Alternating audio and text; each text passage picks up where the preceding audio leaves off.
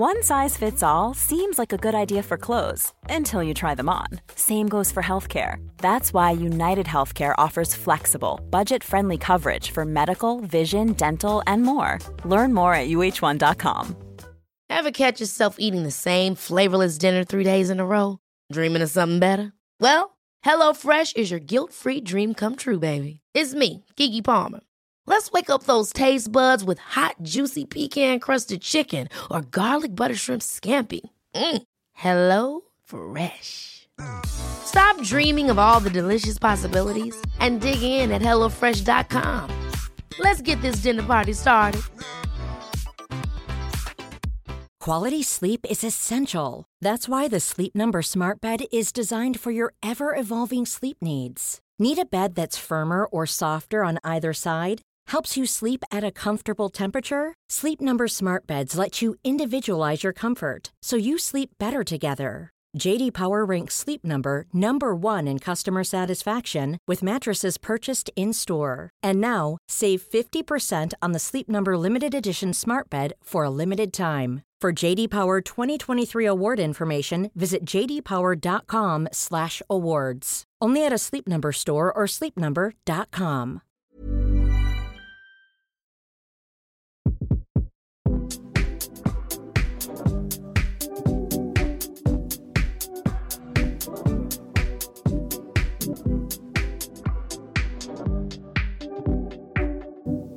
Ok, Pia. Hvis jeg sier ordet self-care, hva tenker du da?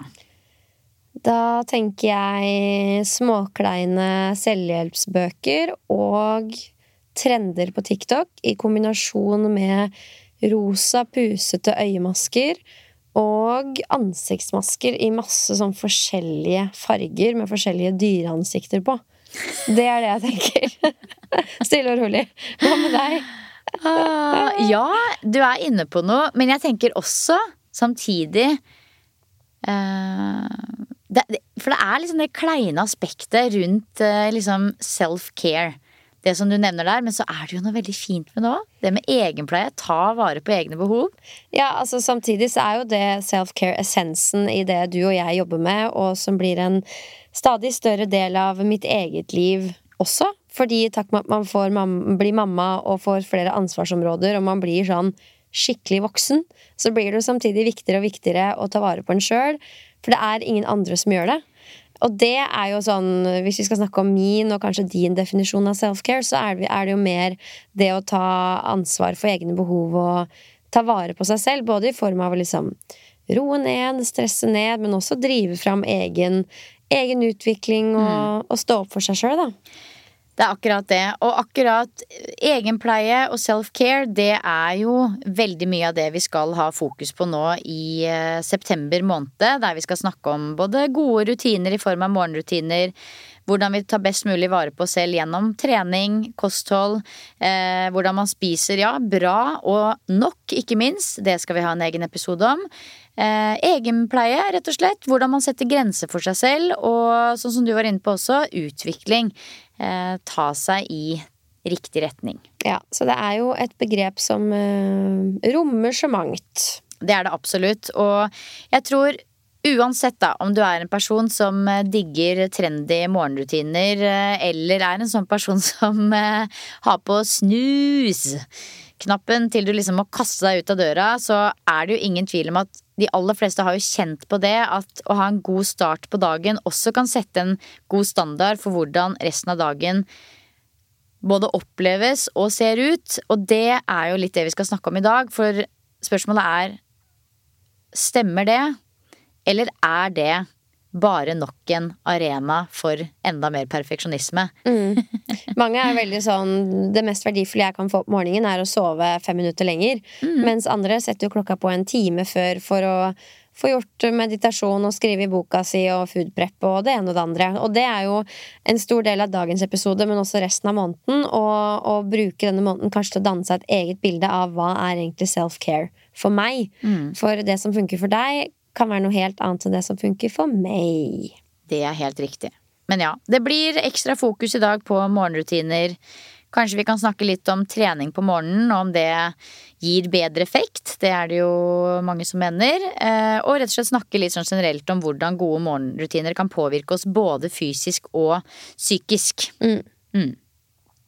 Men ja, nå er vi her. Fy søren. Siste dagen i august, gitt. Ja, vi sitter ikke på balkongen i Hellas nå lenger.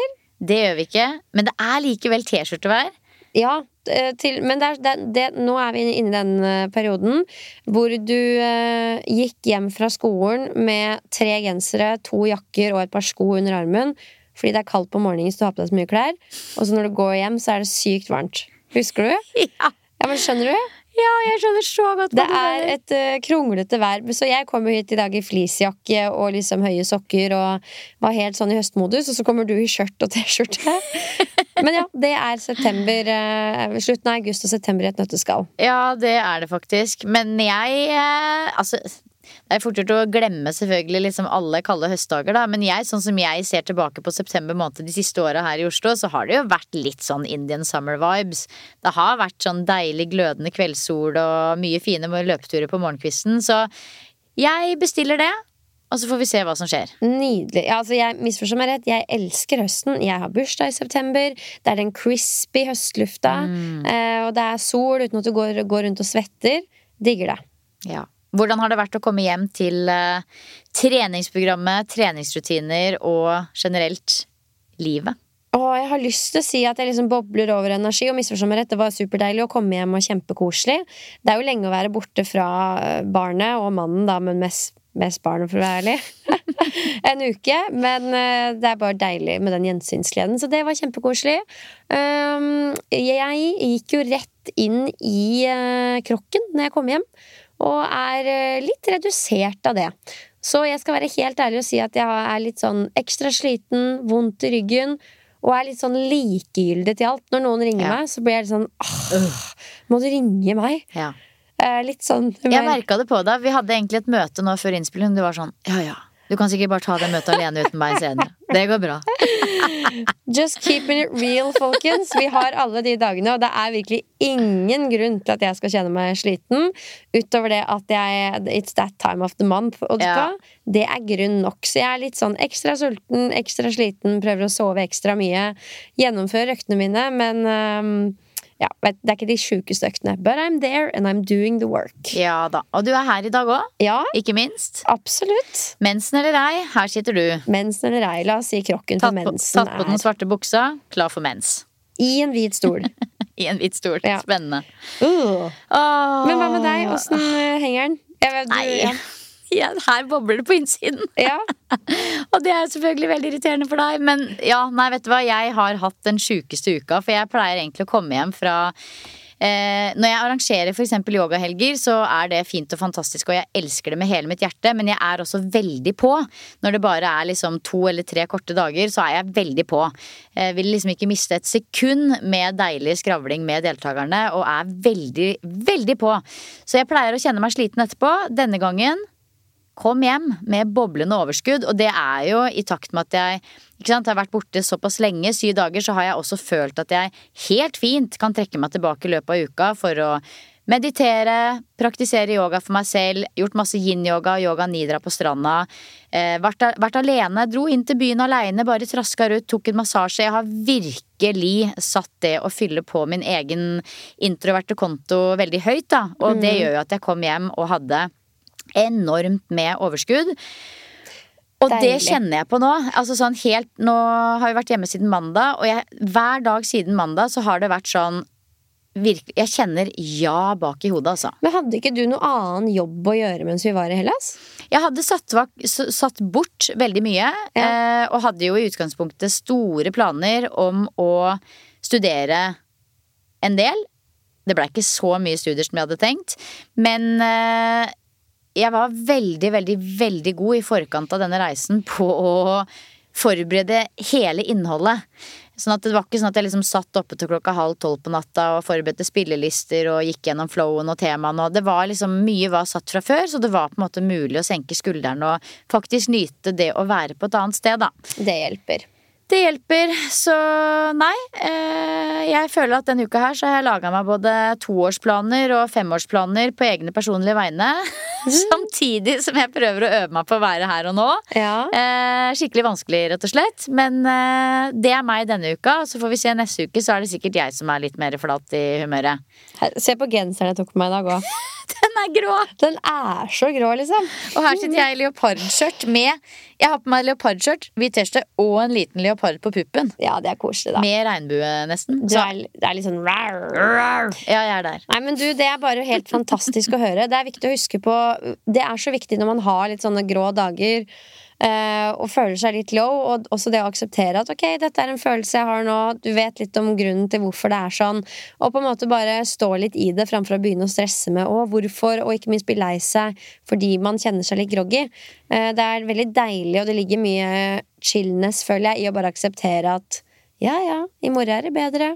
100% Og apropos det med følelser og emosjoner, skal, det skal jeg også snakke mer om i nerdehjørnet i dag. Hva slags rolle emosjoner har i livene våre. Og hvorfor det er viktig å ta det litt på alvor da, som et signalsystem. Og, og, og også i terapisammenheng så er jo dette med aksept blitt større og større. Det også er jo en veldig sånn Egentlig litt sånn østlig tilnærming til å håndtere følelser. Dette med å akseptere istedenfor å eh, ba bale rundt med dem liksom og skulle finne ut hva og hvorfor og, og, og fikse og ordne. At man bare aksepterer at det er der.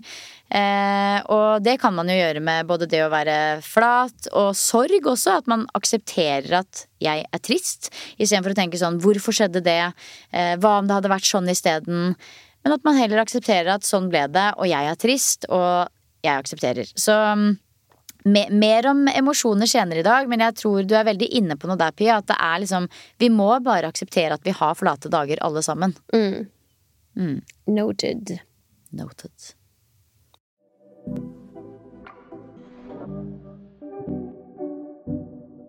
Ah, ja, morgenrutiner. Hva er egentlig det? Altså- Eh, rutiner du har på morgenen. Det er jo det. Så det kan jo egentlig bare være stå opp, flekke på seg jeansen, pusse tenna, kaste seg ut døra. Det kan òg være en morgenrutine. Absolutt. Altså, men det som liksom skiller ordet morgenrutiner fra ting du bare gjør, er jo at det vitner om at du har eh, valgt å ta kontroll over tingene du gjør for å oppnå et mål eller et fokus eller kanskje en eh, tilstand. Ehm, noe fast og forutsigbart som du vet at eh, ja, tar deg et eller annet sted. Da. Så det er jo noe som det ligger en intensjon, en intensjon bak, og som etter hvert blir standardisert, som vi vet at også frigjør mye mental kapasitet og gjør det enklere for oss å gå litt på autopilot, sånn at vi kan eh, ha fokus på andre ting. Absolutt. Jeg tror du er veldig inne på noe der. Og ja, selve målet med en morgenrutine er jo å tilrettelegge for en så god start på dagen som mulig for mange. Eh, Det er veldig stor forskjell på det å liksom starte dagen med å løpe heseblesende til barnehagen med to unger under hver arm og komme for seint på jobben og ha glemt matpakker hjemme på benken og alt liksom går helt på skeisa på starten av dagen, så er det litt sånn dårlig følelse som følger deg resten av dagen, fordi at du starter dagen med å produsere en hel haug med stresshormoner eh, som gjør deg ganske sånn fight or flight-mode, da. Det er, ikke, det, er ikke, det er slitsomt for nervesystemet ditt, rett og slett, og du er ikke veldig, veldig skrudd på, klar eller mottakelig. Nei, du er alltid litt sånn i etterkant. Alltid litt i etterkant, og jeg tror jo hvis det er noe tidspunkt på dagen hvor man er litt ekstra tidsoptimist, så er det jo på morgenen, så jeg skjønner det kjempegodt.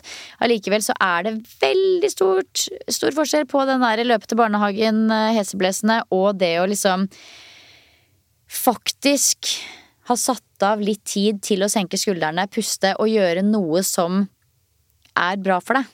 Ja, enig. Samtidig syns jeg det er så viktig å få inn her når vi skal snakke om dette her. Det er jo aktiviteter og ting man skal legge til for å føle seg bedre.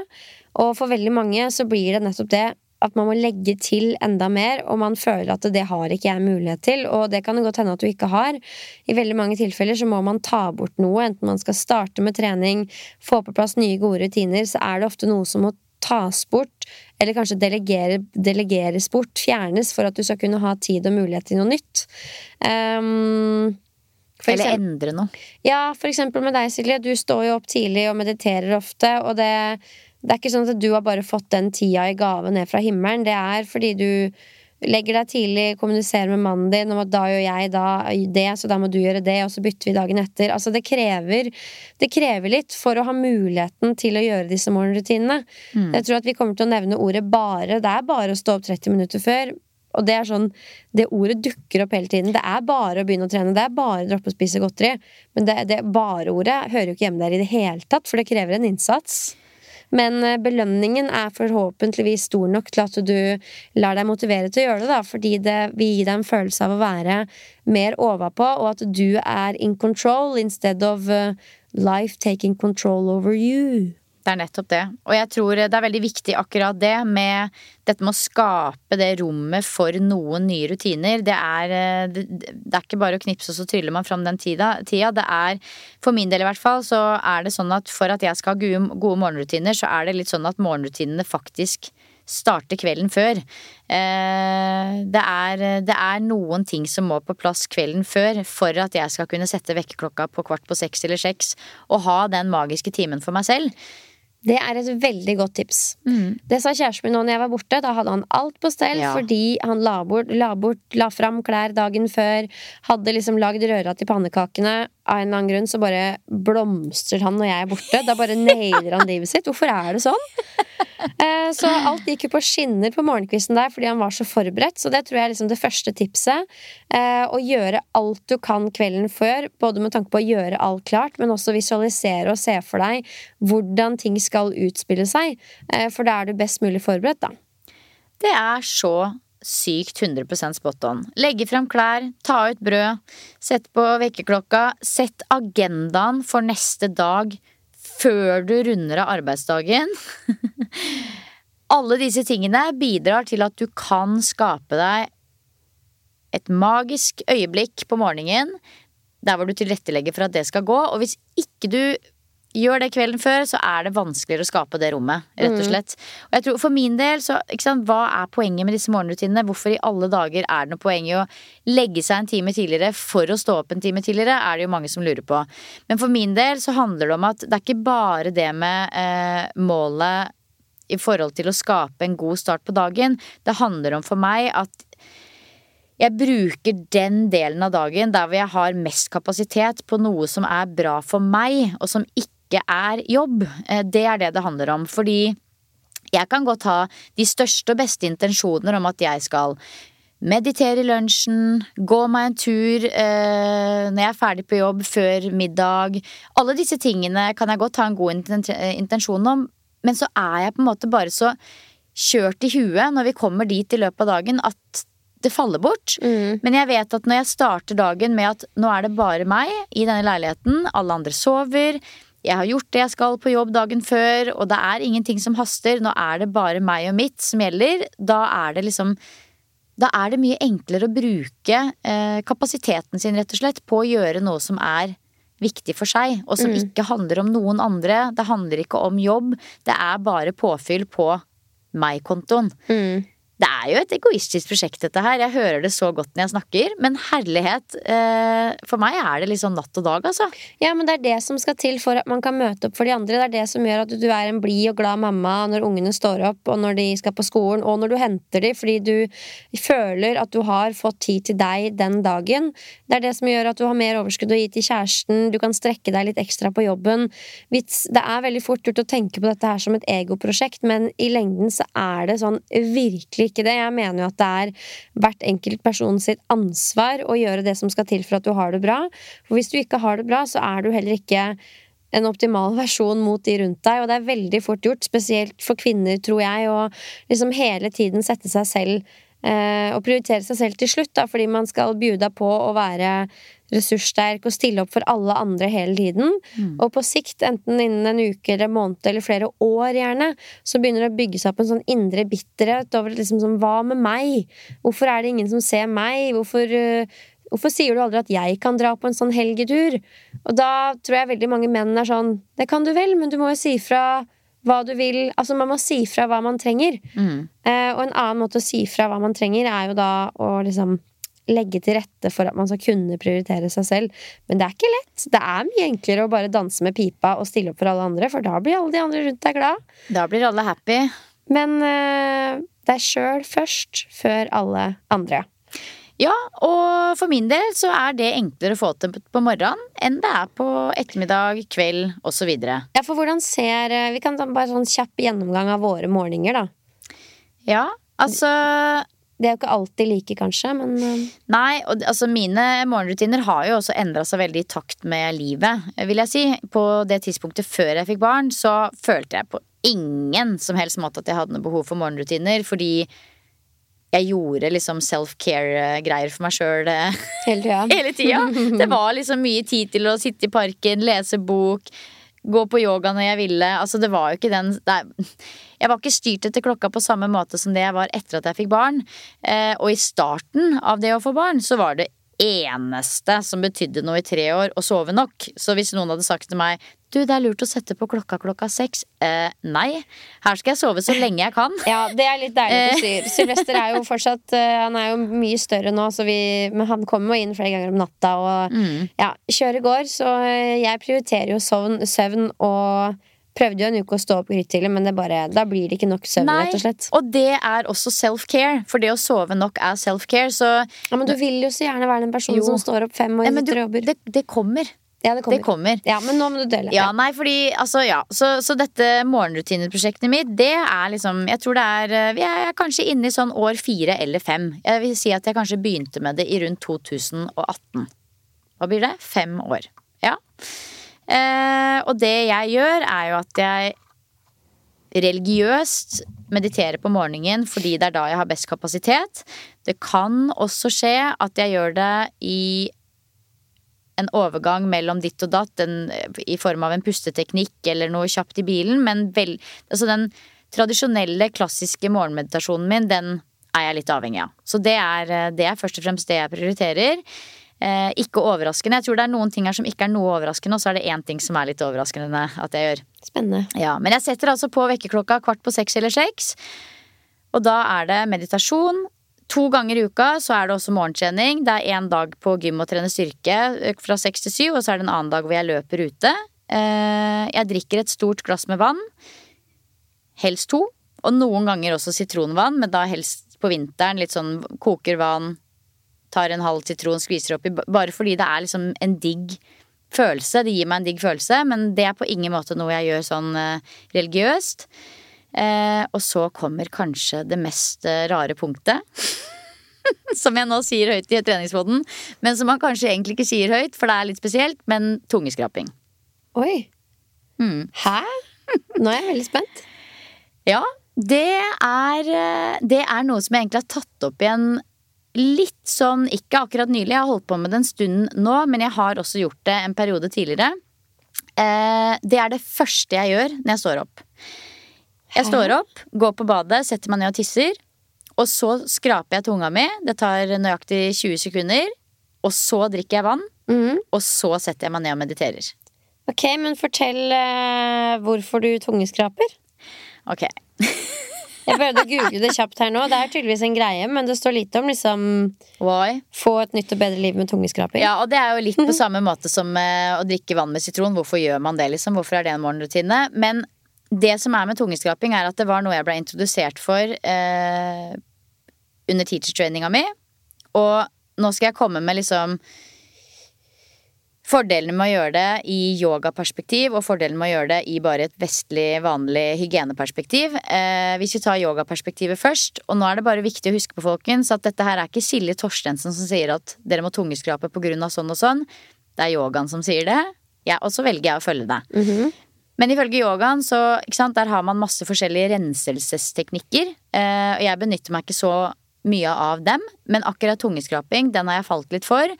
Ifølge yogaen så er tunga et av de organene som der man liksom detoxer. Det kommer en god del sånn avfallsstoffer i løpet av natta. Og det legger seg som et sånt hvitt belegg på tunga. Litt sånn slagg, jeg vet ikke hva det er for noe, men det er bare sånn hvitt belegg. Eh, og ifølge yogaen så er det fint å kvitte seg med disse avfallsstoffene før man liksom fyller på med vann og mat og, og så videre. Eh, som det første man gjør. Og det gjør jeg, og det føles veldig bra. Jeg bare skraper av det hvite belegget før jeg drikker vann. For da er jo, ikke sant, tanken er at hvis du drikker vann før du skraper da, så går du bare ned i systemet igjen, og så er vi på'n igjen.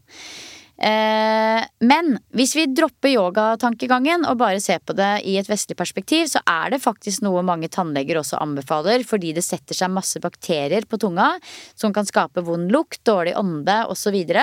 eh, så det er rett og slett bare metode å skrape av bakterier fra tunga, der hvor det fester seg ganske mye bakterier og vond lukt. Så det er den enkle greia, og hvis tungeskraping tok ti minutter, så hadde jeg ikke gjort det. Men det tar 20 sekunder, og derfor så gjør jeg det. Eh, så det er, eh, det er en av mine morgenrutiner. Kombinert med meditasjon. Gøy. Jeg føler den 100% Ja, du er ikke dømmende. Nei, gud. Det, det har jeg slutta med. Ja, det har du slutta med. Det var tilbake i 2019. Nei, jeg er 100% åpen for absolutt alt du og alle andre måtte finne på. Kom jo åpenbart til å google dette her, kjøpe meg en tungeskraper og holde på med det et par uker. Ja, for det, og jeg tror du kommer til å digge det. Det er veldig deilig å starte dagen. Og det er jo en vane, det som alt annet. Det er sånn typisk at du begynner med å glemme den bort. Så bare 'Å nei, nå har jeg jo drukket masse vann'. Men så gjør man det likevel, og så Ja. kommer man inn i det etter hvert. Men må jeg ha en fysisk tungeskraper, eller kan jeg liksom bruke ostehøvel? Eh. Typ Jeg tenker veldig sånn ekkelt bilde i hodet av den ostehøvelen. på knekkebrød? Nei, jeg liker tungeskraperen. Okay, ja. Men, men eh, det går sikkert an å bruke tannbørste òg, hvis du skjønner. Men tungeskraper, helt konge. Mm. Men jeg må også bare nevne det at nå høres det ut som jeg lever et sånn derre sånn beskytta sånn Gwyneth Paltrow Hollywood-liv. Dette er liksom den optimale morgenrutiner. Det er sånn jeg ønsker å ha det hver dag. Veldig ofte så blir det ikke sånn. Fordi, som jeg var inne på, mine morgenrutiner starter kvelden før. Hvis jeg ser at nå blir det altfor sent, nå har klokka blitt allerede så mye og jeg sover fortsatt ikke, så skrur jeg pent av alarmen og sover til klokka sju isteden. Fordi søvn er uansett mye viktigere enn tungeskraping og meditasjon. Ehm, og det er stor forskjell på dagene. I går hadde jeg Hvis jeg tar eksempel i går og i dag, for eksempel. I går, den optimale morgenrutinedagen, våkna kvart på seks. Tok på meg en stor, deilig ullgenser, satte meg på veran- verandaen og mediterte i 20 minutter. Gjorde tungeskrapinga mi, tok til og med litt eh, vann med sitron. Hadde denne timen for meg selv. Eh, tente ikke lys, for det gjør jeg ikke enda, men det kunne jeg fint finne på å gjøre på vinteren. Og det var sånn virkelig magisk fra seks til syv. I dag var det ikke sånn. Jeg hadde, skulle være ute av døra fem på syv for å rekke en time i Oslo halv åtte. Eh, hadde i tillegg ikke forberedt nerdehjørnet så godt som jeg burde i går. Så var så dum at jeg flekka opp PC-en. Eh, begynte på nerdehjørnet, som tok mye lengre tid enn eh, forventa. Og så tok jeg litt av titt i innboksen. Der var det en veldig spennende mail. Hva gjorde jeg? Svarte på den mailen. Og vips, ble ikke noe morgenmeditasjon i dag. Ble ikke det. Så det er, ikke sant Det er, det er bare viktig å det er, ikke, det er ikke sånn at liksom seks til syv er perfekt hos meg hver dag. På ingen måte. Får jeg det til tre til fire dager i uka, så er jeg superhappy. Mm. Men uansett fint å ha en mal å strekke seg etter og tenke at det skal jeg forsøke å få til, og så går det ikke alltid, men da har man eh, en oppskrift på hva som er optimalt. Ja. Tungeskraping, meditasjon og masse vann. Mm. Hva med deg, Pia? Eh, nei, jeg er jo litt mer Henger litt igjen på øh, Silje før 2018-varianten. Så jeg er litt sånn ok, nå sover jeg bare så lenge jeg kan fram til Mini våkner. Eh, og så har jeg en drøm om at jeg skal være bedre til å forberede meg, ref sånn som Simen gjør når jeg da tydeligvis er borte. Eh, men også når jeg er aleine hjemme, så mm, Altså, jeg er litt fanga i det at jeg hele tiden gjør noe som brenner, så jeg rekker aldri helt å være i forkant, føler jeg. Men det er nok også like mye fordi jeg fort ender opp med å surre litt for lenge med noe jeg kunne brukt mye kortere tid på. For eksempel å rydde et vaskerom eller scrolle på telefonen. Ja, alle mulige sånne veldig menneskelige ting. Um, så min morgenrutine er å sove så lenge jeg kan for å få mest mulig søvn. Målet er åtte timer, og det prøver jeg virkelig å ha stålhardt fokus på nå, spesielt etter at vi var i Hellas og fikk litt klarhet rundt ting. Eh, og så står vi opp, jeg går rett opp og lager meg en kaffe. Du har ikke kaffe i morgenrutinen din, eller? Nei, det kommer liksom først eh, Jeg tar kaffen min eh, når de andre har våkna, egentlig. Ja, skjønner. Mm. Eh, kaffe, og så er det å lage bananpannekaker og eh, matpakker og min egen frokost. Spiser sammen med Mini, og så er det ut av døra. Så veldig lite lite self-care som skjer på morgenen. Da er det bare å bjuda på til de rundt meg. Og så tar jeg self-caringa når jeg kommer hjem igjen. Ja, det er det. Og jeg tror og vet at du er litt flinkere til å sette av tid til deg sjøl i løpet av dagen enn det jeg er. Ja, det er jeg nok, men Ja. det er jo på godt og vondt, da, for jeg eh, Arbeidstida mi flyter jo veldig over fra jobb, og så er det litt meg, og så er det litt jobb, og så Du er mye flinkere til å blokke ut, sånn liksom sånn Nå jobber jeg, nå gjør jeg det, men jeg er sånn Nei, nå passer det å ta en tur på Skeidar. Jeg trenger jo de lystakene. jeg drar opp dit nå, jeg. Eh, men det funker jo veldig, det òg. Ja. Men det gjør at eh, man noen ganger i noen perioder kan føle seg litt bakpå. I tillegg til at jeg har og det kan sikkert veldig mange kjenne seg inn i, men jeg føler at jeg har litt mer å gjøre enn det jeg kanskje i en optimal verden ønsker meg. Så det må Ja. jo flere kjenne seg igjen i. Ja. Eh, så jeg, jeg, jeg føler ikke selv at jeg har tid til å gjøre alle de tingene, tingene som jeg kanskje kunne drømme om og, og sånn, men eh, jeg vet ikke. Jeg har nok mye å hente på å optimalisere tidsbruken min også. Så det er litt sånn prosjektet nå framover, å prøve å bli enda råere på å blokke ut tid. Og det jeg merker skikkelig etter at jeg leste den boka i Hellas om tid, det er at jeg er blitt flinkere til å akseptere at det jeg ikke får gjort innen eksempel klokka fire, det driter jeg i. Ja. For å si det på godt norsk. Altså, nå, jeg prøver å venne meg av det, med det her at når jeg først bare får gjort alt på to do-lista, da kan jeg senke skuldrene. Da skal jeg kunne slappe av. Fordi da får aldri jeg gjort noe annet enn å jobbe med to do-lista mi. Så jeg må bare akseptere at kanskje jeg må si til en på mail dagen etter Dette fikk jeg ikke gjort, men nå Altså, skjønner du? Akseptere at uh, jeg kan ikke gi den to do-lista mi så mye tid at jeg ikke får gjort mine egne greier. Så det har vært eh, et eh, sterkt eh, sterkt synspunkt å mm, falle til ro med, for å si Ja, det på og en så dårlig syns måte. jeg det er veldig fint det du sier med at liksom Min self-care er sammen med de andre. Mm. Fordi den lille egotimen min, eh, den er det ikke alle som får til, rett og slett fordi de ikke får lagt seg tidlig nok til å kunne forsvare det å sette vekkerklokka så tidlig på. Og da er det jo ingenting som er bedre enn at du den timen fra syv til åtte, eller hva det er, det er jo den mest eh, hektiske timen for mange i det ganske land. Hvis man har et par unger, og de skal til barnehagen, noen skal på skolen, alle skal ha matpakker, alle skal på klær, alle skal pusse tenna. Det er, det er en stressende time, men hvis man kan bake litt litt ro og hygge den timen der, så er jo det også veldig gode morgenrutiner. Og vi vekker også ungene litt før enn det vi må. Jeg vet at noen lar ungene sove liksom kvart på åtte, og så går de ut døra fem over åtte. Eh, og det er jo fordi at vi ønsker å ha et en litt hyggelig time sammen. At ikke vi bare står og roper og skriker og 'Nei, nå har du glemt det, og du må huske det, og har du pakka det', og Men at vi liksom kan snakke vanlig til hverandre, ta og si til en god klem. Jeg praktiserer masse mindfulness hver morgen når jeg vekker barna. Eh, I går også i den, der, den, klassiske fikk det til-morgenrutinedagen. Legger meg ned i senga, full sånn koalakos. Snuse, kose, være til stede. Bruke liksom noen skikkelig gode minutter på den oppvåkningsprosessen. da At ikke det bare er sånn der Kompani Lauritzen-greier. Husker jeg blei vekk med sånn derre 'Nå er det morgen!' Smell opp døra, og så skulle helst vært sitte rundt frokostbordet for tre minutter siden. liksom Eh, så, så det er jo veldig mye fine morgenrutiner i det å bake inn litt ro og hygge i den timen som egentlig er litt kaos. Syns jeg, da. Mm. Eh, men ja.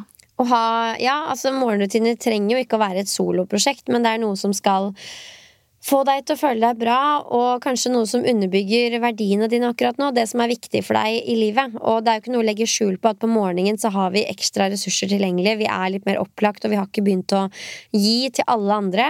Så derfor kan det være fint å få unnagjort trening, meditasjon, men også bare det å legge til rette for å ha det hyggelig sammen som familie.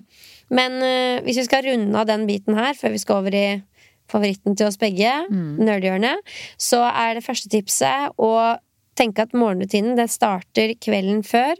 Vær litt i forkant, sånn at du kan kjøpe deg tid i framtida, på en måte. Em, tips nummer to aksepter at det blir ikke alltid sånn som du hadde sett for deg. Og tips nummer tre Prioriter søvn over å gjøre gode hudrutiner, meditere, drikke sitronvann, skrape tunga osv. Mm. Søvn, søvn, søvn. Altså, vet du hva, vi må faktisk ha en egen episode om det som, eh, hva skal vi si, det vi kan kalle for i gåstegn vellykkede mennesker, hva nå enn det er. Altså de som oppnår suksess. Fordi morgenrutiner er ofte noe som eh, Altså Disse personene kjennetegnes ofte av gode morgenrutiner, og det er én av veldig mange faktorer. Men det hadde vært litt gøy å lage en egen episode om nettopp hva det er som gjør at disse personene får det til. Eh, når det gjelder morgenrutiner, så vet vi jo at sånn som eksempel Petter Stordalen, Barack Obama osv., det er liksom folk som gjør noe bra for seg selv om morgenen. Jeg tror Petter Stordalen løper, faktisk. Mm. Um, ja, han har jo YouTube-kanal hvor han eh, viser fram mye av dette her. Ja, ikke sant? Så det er jeg gira på. Lage en egen episode om hva som kjennetegner vellykkede mennesker, og hvorfor de får det til. Det gjør vi. Jeg skriver, skriver det ned på temalista ja, her. Masse deilige psykologiske hacks som eh, vi alle kan uh, ta til oss. Kommer til å bli sjukt vellykka alle sammen, da. Og det blir deilig. Oh my god. Picture perfect.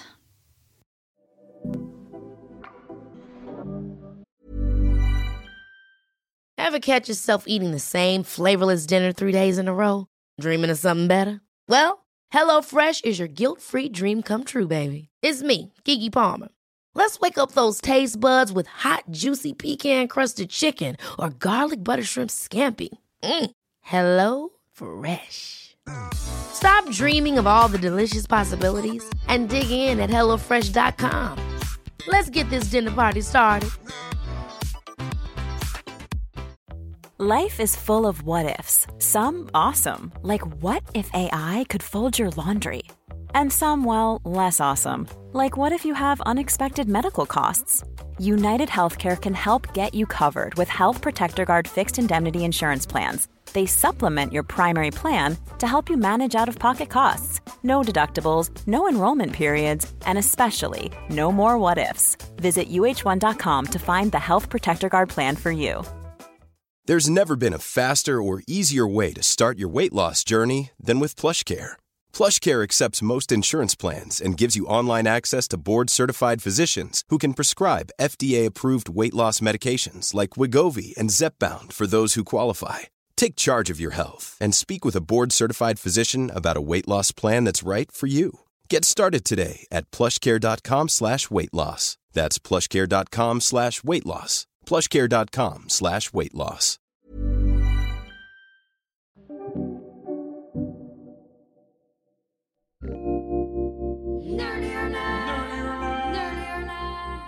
Like the nerds we are.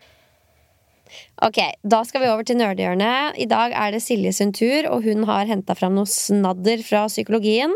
Jeg kjenner at jeg bare sånn automatisk lener meg tilbake og er i ta imot-modus. Ja, det er det. På ekte. Håndflatene opp. Jeg tar imot. Mm. Nei, vet du hva. Eh, jeg er jo nå inne på emosjoner nok en gang, for jeg tenkte at eh, det er nok å ta der. Så denne uken mer om emosjoner eh, og hva slags rolle disse har i livene våre som signalsystem. Hvorfor vi har dem, og litt sånn, snakke litt om viktigheten av å forstå dem og regulere dem. Gøy. Og jeg har bare ett spørsmål innledningsvis. Hva er forskjellen igjen på emosjoner og følelser? Ja, godt spørsmål. Det er jo en veldig glidende overgang. Men emosjoner kan beskrives som en fysisk reaksjon som man kan oppleve i kroppen, som for eksempel gråt, gåsehud, klump i halsen, sommerfugl i magen osv. Følelser ja, det er vanskelig å forklare, men det er mer på en måte den subjektive opplevelsen av en emosjonell aktivering. Eh, så det er på en måte kognitive tanker om emosjonen. Altså den bevisste, eh, den bevisste tolkningen av det som skjer. Så som eksempel, jeg har kjent mye på dette når jeg ser på 21-nyhetene så kan det komme på 21-nyhetene en trist nyhet om, la meg si, et jordskjelv i Pakistan. Og da kan jeg kjenne at jeg får tårer i øynene, og at jeg får liksom at det, nesten, at det faktisk bare tårene renner eh, idet jeg ser barn som blir båret ut av ruiner. Jeg husker også veldig sterkt bilde av en gravid dame som ble båret ut av et bomba sykehus i Ukraina, mm. hvor tårene bare rant. Og det er emosjonen. Og så kommer den bevisste tolkningen av det som skjer, ofte bitte litt etterpå. For da tenker du 'å, fy faen'. Det der er helt sjukt. Eh, og det er sånn noen ganger hvis du ser på noe som gjør inntrykk på TV, at du begynner på en måte å gråte før du forstår egentlig bevisst, kognitivt, hva det er som er trist. Så det er den beste måten å forklare det på. Men når det er sagt, jeg bruker disse det, begrepene om hverandre. Det er glidende overganger. Eh, men det her er i hvert fall én måte å definere det på. Ja, og det gjør jo de fleste av oss, men det er derfor det er bare fint å understreke at det, det er en forskjell, men det går, det går litt i hverandre. Det går litt i hverandre. Så ja.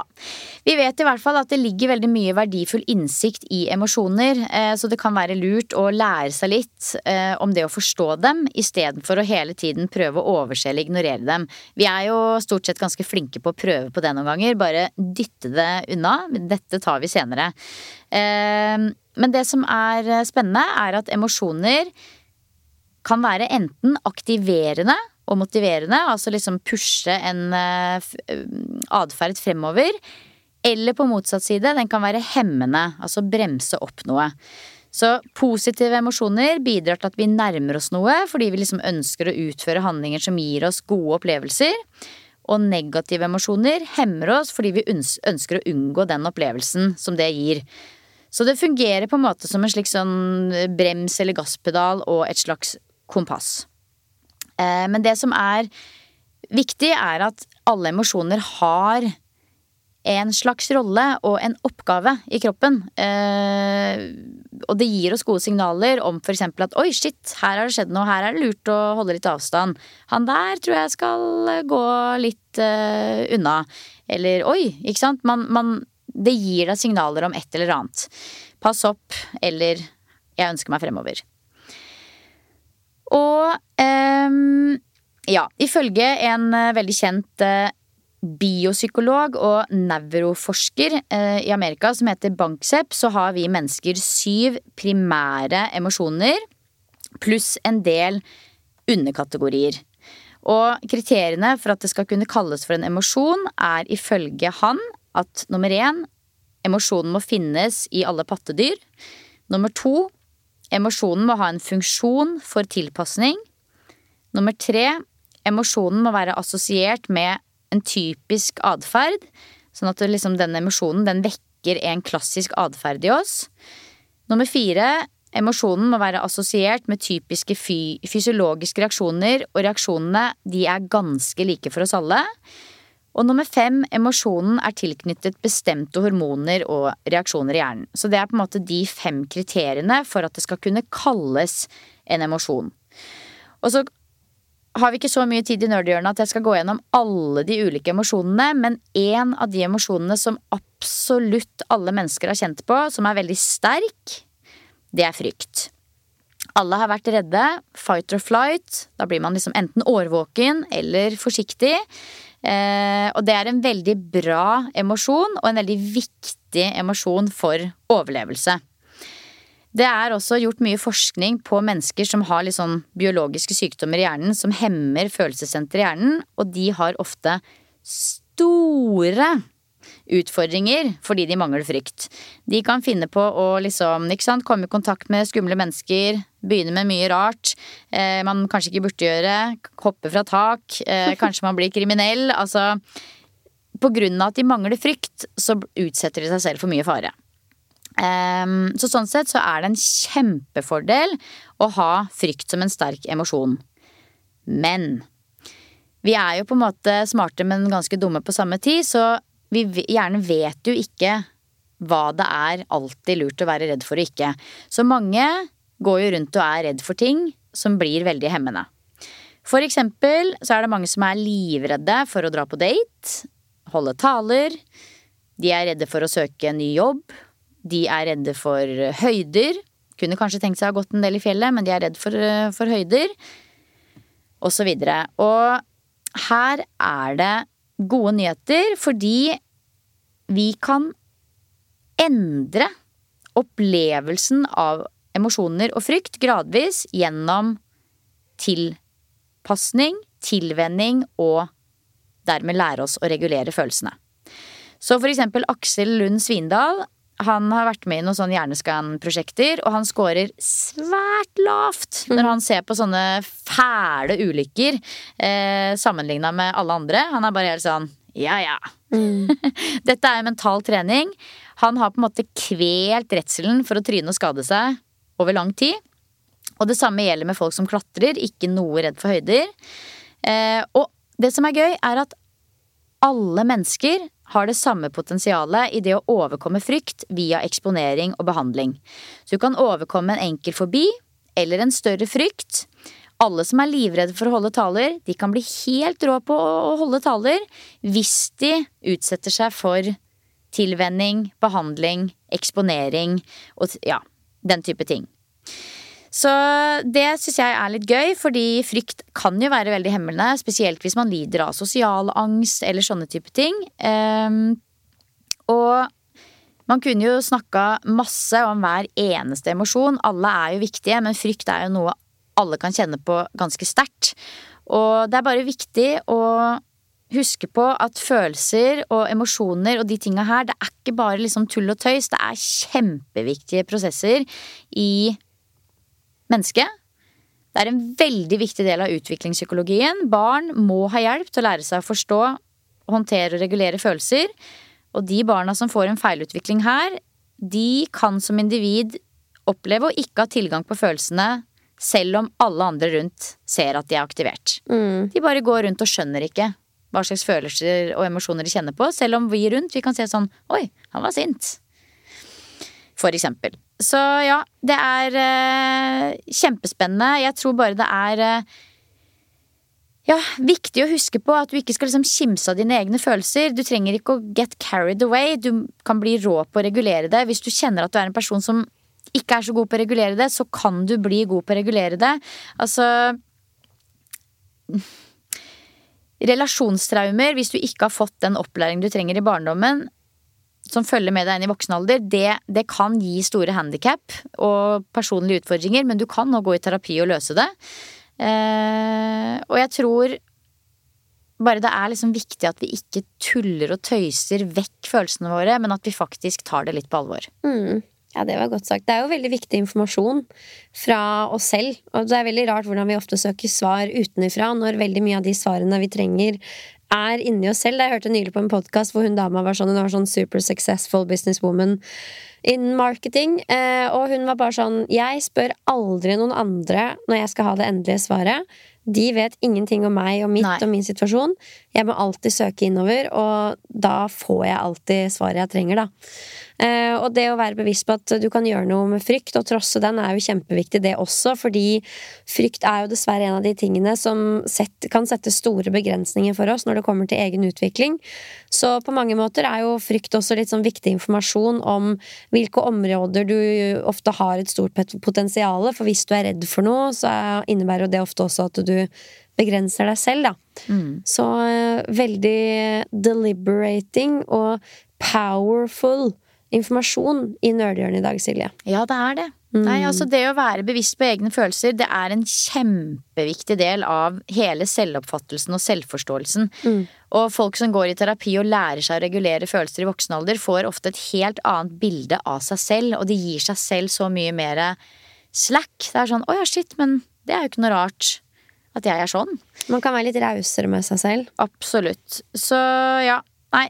Det er, eh, det er som vanlig jækla spennende, altså. Ja, og det her føler jeg også i stor grad farger overgangen fra barn, ungdom og ung voksen til sånn skikkelig voksen.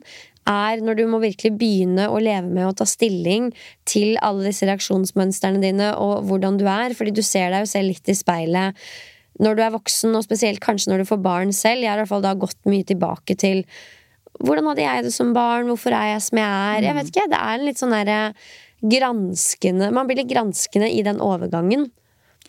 Og så lander man jo sikkert til slutt, da. Ja, og så syns jeg også det er veldig fint å vite at selv om man kanskje ikke har vært eh, dis, altså Selv om man kanskje ikke har den oppveksten man skulle hatt, så fins det likevel muligheter i å utvikle gode eh, God forståelse av emosjoner og, og lære seg emosjonsregulering også i voksen alder. Ja.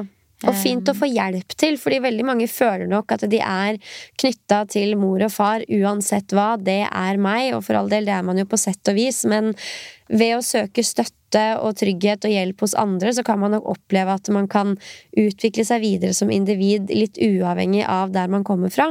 Og det tror jeg kan være en viktig del av en slags sånn frigjøringsprosess. og og det å bli skikkelig voksen og fortsette å vokse hvis man støtter seg på noe annet enn kun det man er kjent med fra oppveksten, da. Mm. Mm. Ja. Psykologihjørnet ja. Psykologihjørnet én og to. Ja, Vet du hva? ja, ja. Det, det er moro. Men det er jo på tide med en boost òg. Ja, nå er det på tide med en boost. Du ser på den grå kladden borti Jeg ser på uh, mensen, uh, mensenkladden. Du må slutte å bruke det ordet her. Nei, nå er, nå er jeg og så mange andre veldig stolt av deg for at du nå har sagt mensen mange ganger høyt i treningsbåten. Jeg kan si mensen så mye dere vil, men ser ikke dere bare for dere liksom eh, et langt ord som består av mens... Jo. Mensen. Og du elsker det, du. Menstruasjon. Ja, nå sitter du der med den røde topplua di og bare Mensen! Nei, altså jeg har jo et kjempestort problem nå, Silje, fordi min boost er det jeg nevnte tidligere i podkasten. Og det er rett og slett bare Så det var en megapoddefeil. Eh, skulle spare det kruttet til nå. Men, eh, men jeg, det har altså bare vært så utrolig deilig og på en eller annen måte klart å frigjøre seg og, og, og kjenne at det, man gir beng i om man ikke får gjort alt det man skulle. Fordi jeg klarer å ha mye mer ro i å bare være der jeg er, og det er sikkert også fordi vi snakka mye om det på yogaturen. Men å bare være der man er, og ikke tenke på det må jeg huske å gjøre etterpå. Det må jeg huske å legge fram, sånn at jeg kan gjøre det i morgen. Fordi det er hele tiden en sånn tanke om at bare jeg kjøper meg litt tid nå, så blir det bedre seinere. Og det her strider jo litt imot det vi akkurat snakka om, da, med tanke på morgenrutiner, for det er jo litt sånn òg. Men samtidig, ett sted må grensa gå. Hvis man hele tiden går og forbereder seg på fremtida, hva hvis du blir påkjørt av en bil i morgen og alt er over? Da er det samme av om du har en toårsplan, på en måte. Nå tok jeg bare det fordi det var det eksempelet jeg kom på. Så det er jo hele tiden den balansen mellom å leve i nuet og skape opplevelser her og nå. Ja, du ønsker å oppnå noe med trening og kosthold, men sørg for å leve det, livet ditt her og nå samtidig. Og det har gitt meg en boost, fordi det er akkurat som jeg har klart å gå Jeg står i et tre og er en fugl og ser ned på meg sjøl og er bare sånn chill. Ja. Selv om jeg har mer å gjøre enn jeg noensinne har hatt. Kanskje det er også det òg, at jeg har Ja. så mye å gjøre at jeg bare sånn fuck it! Jeg får bare gjøre så godt jeg kan, og så ordner det seg. Vet du hva, det tror jeg det er. Og det, det ordner seg jo òg. Fordi Ja. det er jo ingen andre som tenker så mye på alt jeg har å gjøre, enn meg sjøl. Alle andre tenker jo det samme om seg selv. Så ja. Vet du hva, det er eh, det er, veldig, det er veldig sant det du sier. Jeg tror noen ganger at når det tipper litt over, så enten så går man i kjelleren helt, eller så er man bare sånn Jeg gir slipp. Ja. Her kan jeg ikke kontrollere uansett. Jeg kan kjenne meg litt igjen denne uka her også. Det er kaos på hjemmebane. Vi sitter i en sånn her helt nydelig beige, beige nystyla leilighet. Alle klærne mine er i boden. eh, I sånne svære Ikea-poser som jeg ikke har tatt meg tid til å rydde ned. Det bare ligger trygt! Så du sier Nedi. at leopardantrekket er a blast from the past? Er det litt sånn som har Ja. kommet fram i prosessen? Ja, ja, Fordi det var sånn, oi, der er den leopard-T-skjorta 100% Som jeg har et matchende skjørt til. Ja.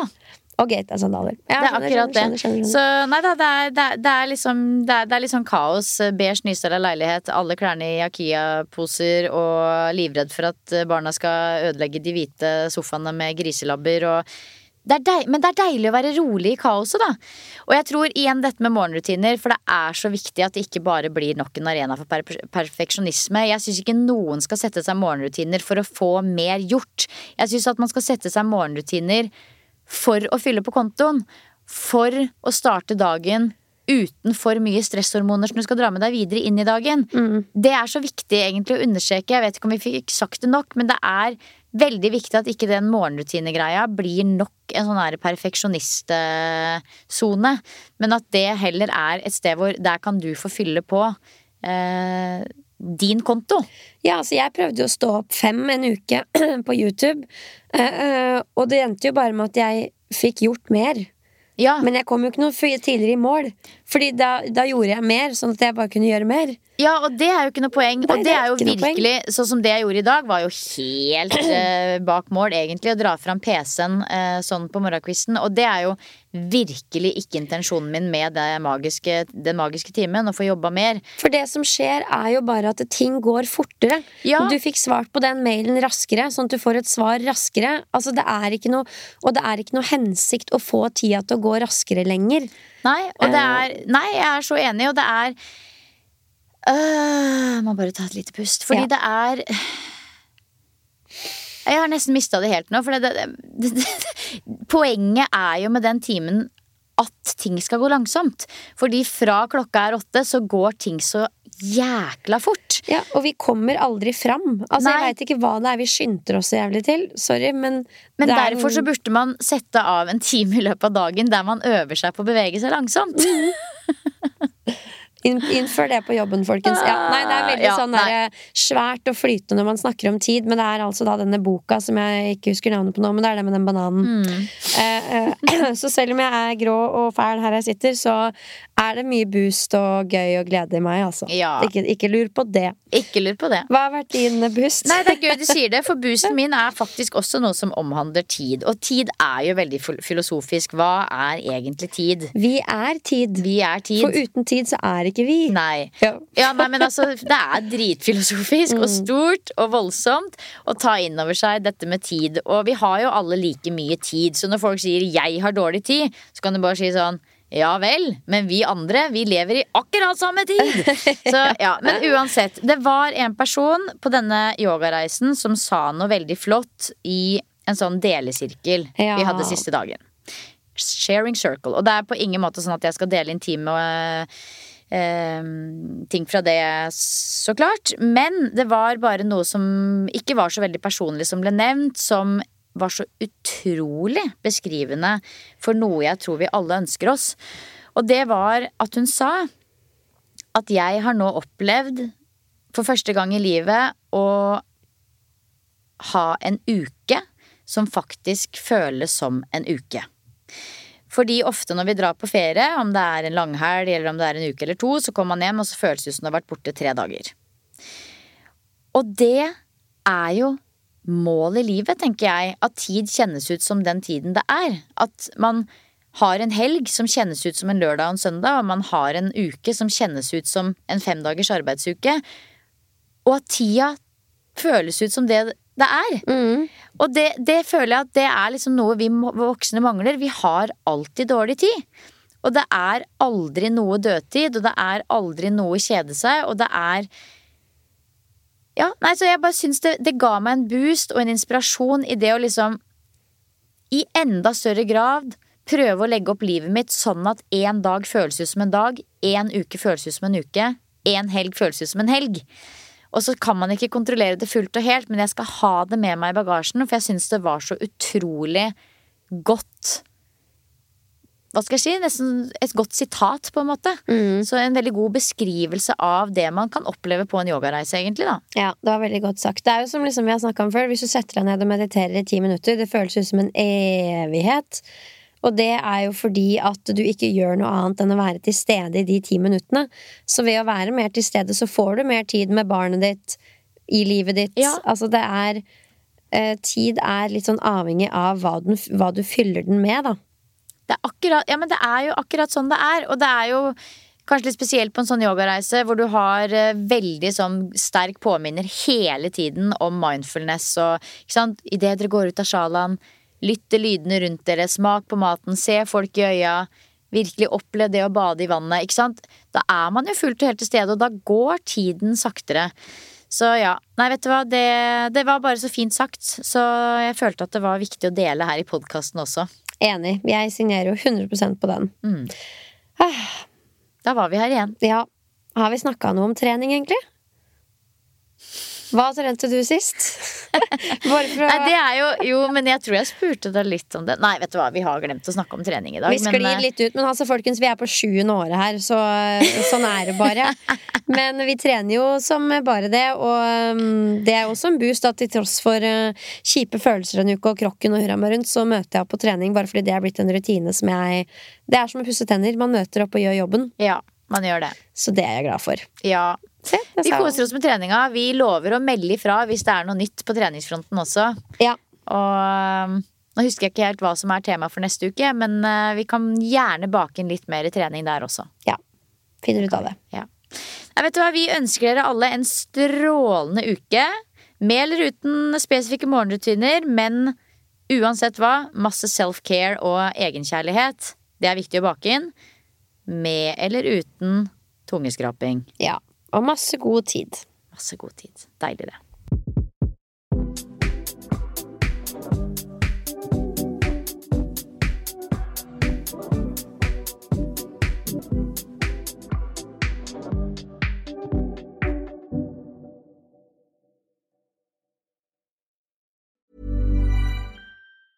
Mom deserves the best, and there's no better place to shop for Mother's Day than Whole Foods Market. They're your destination for unbeatable savings, from premium gifts to show-stopping flowers and irresistible desserts. Start by saving 33% with Prime on all body care and candles. Then get a 15-stem bunch of tulips for just $9.99 each with Prime. Round out Mom's menu with festive rosé, irresistible berry chantilly cake, and more special treats. Come celebrate Mother's Day at Whole Foods Market.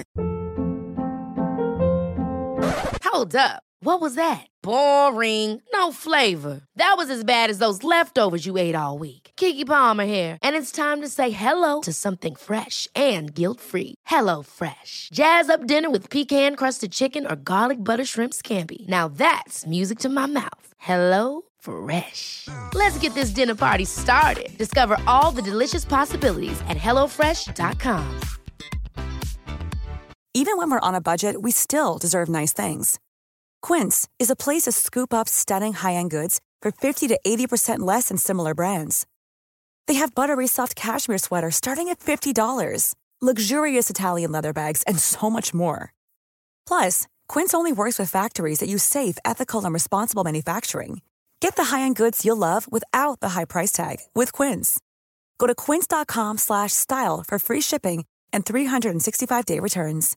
Imagine the softest sheets you've ever felt. Now imagine them getting even softer over time. That's what you'll feel with Bowl and Branch's organic cotton sheets. In a recent customer survey, 96% replied that Bowl and Branch sheets get softer with every wash. Start getting your best night's sleep in these sheets that get softer and softer for years to come. Try their sheets with a 30-night guarantee. Plus, get 15% off your first order at bowlandbranch.com. Code BUTTERY. Exclusions apply. See site for details.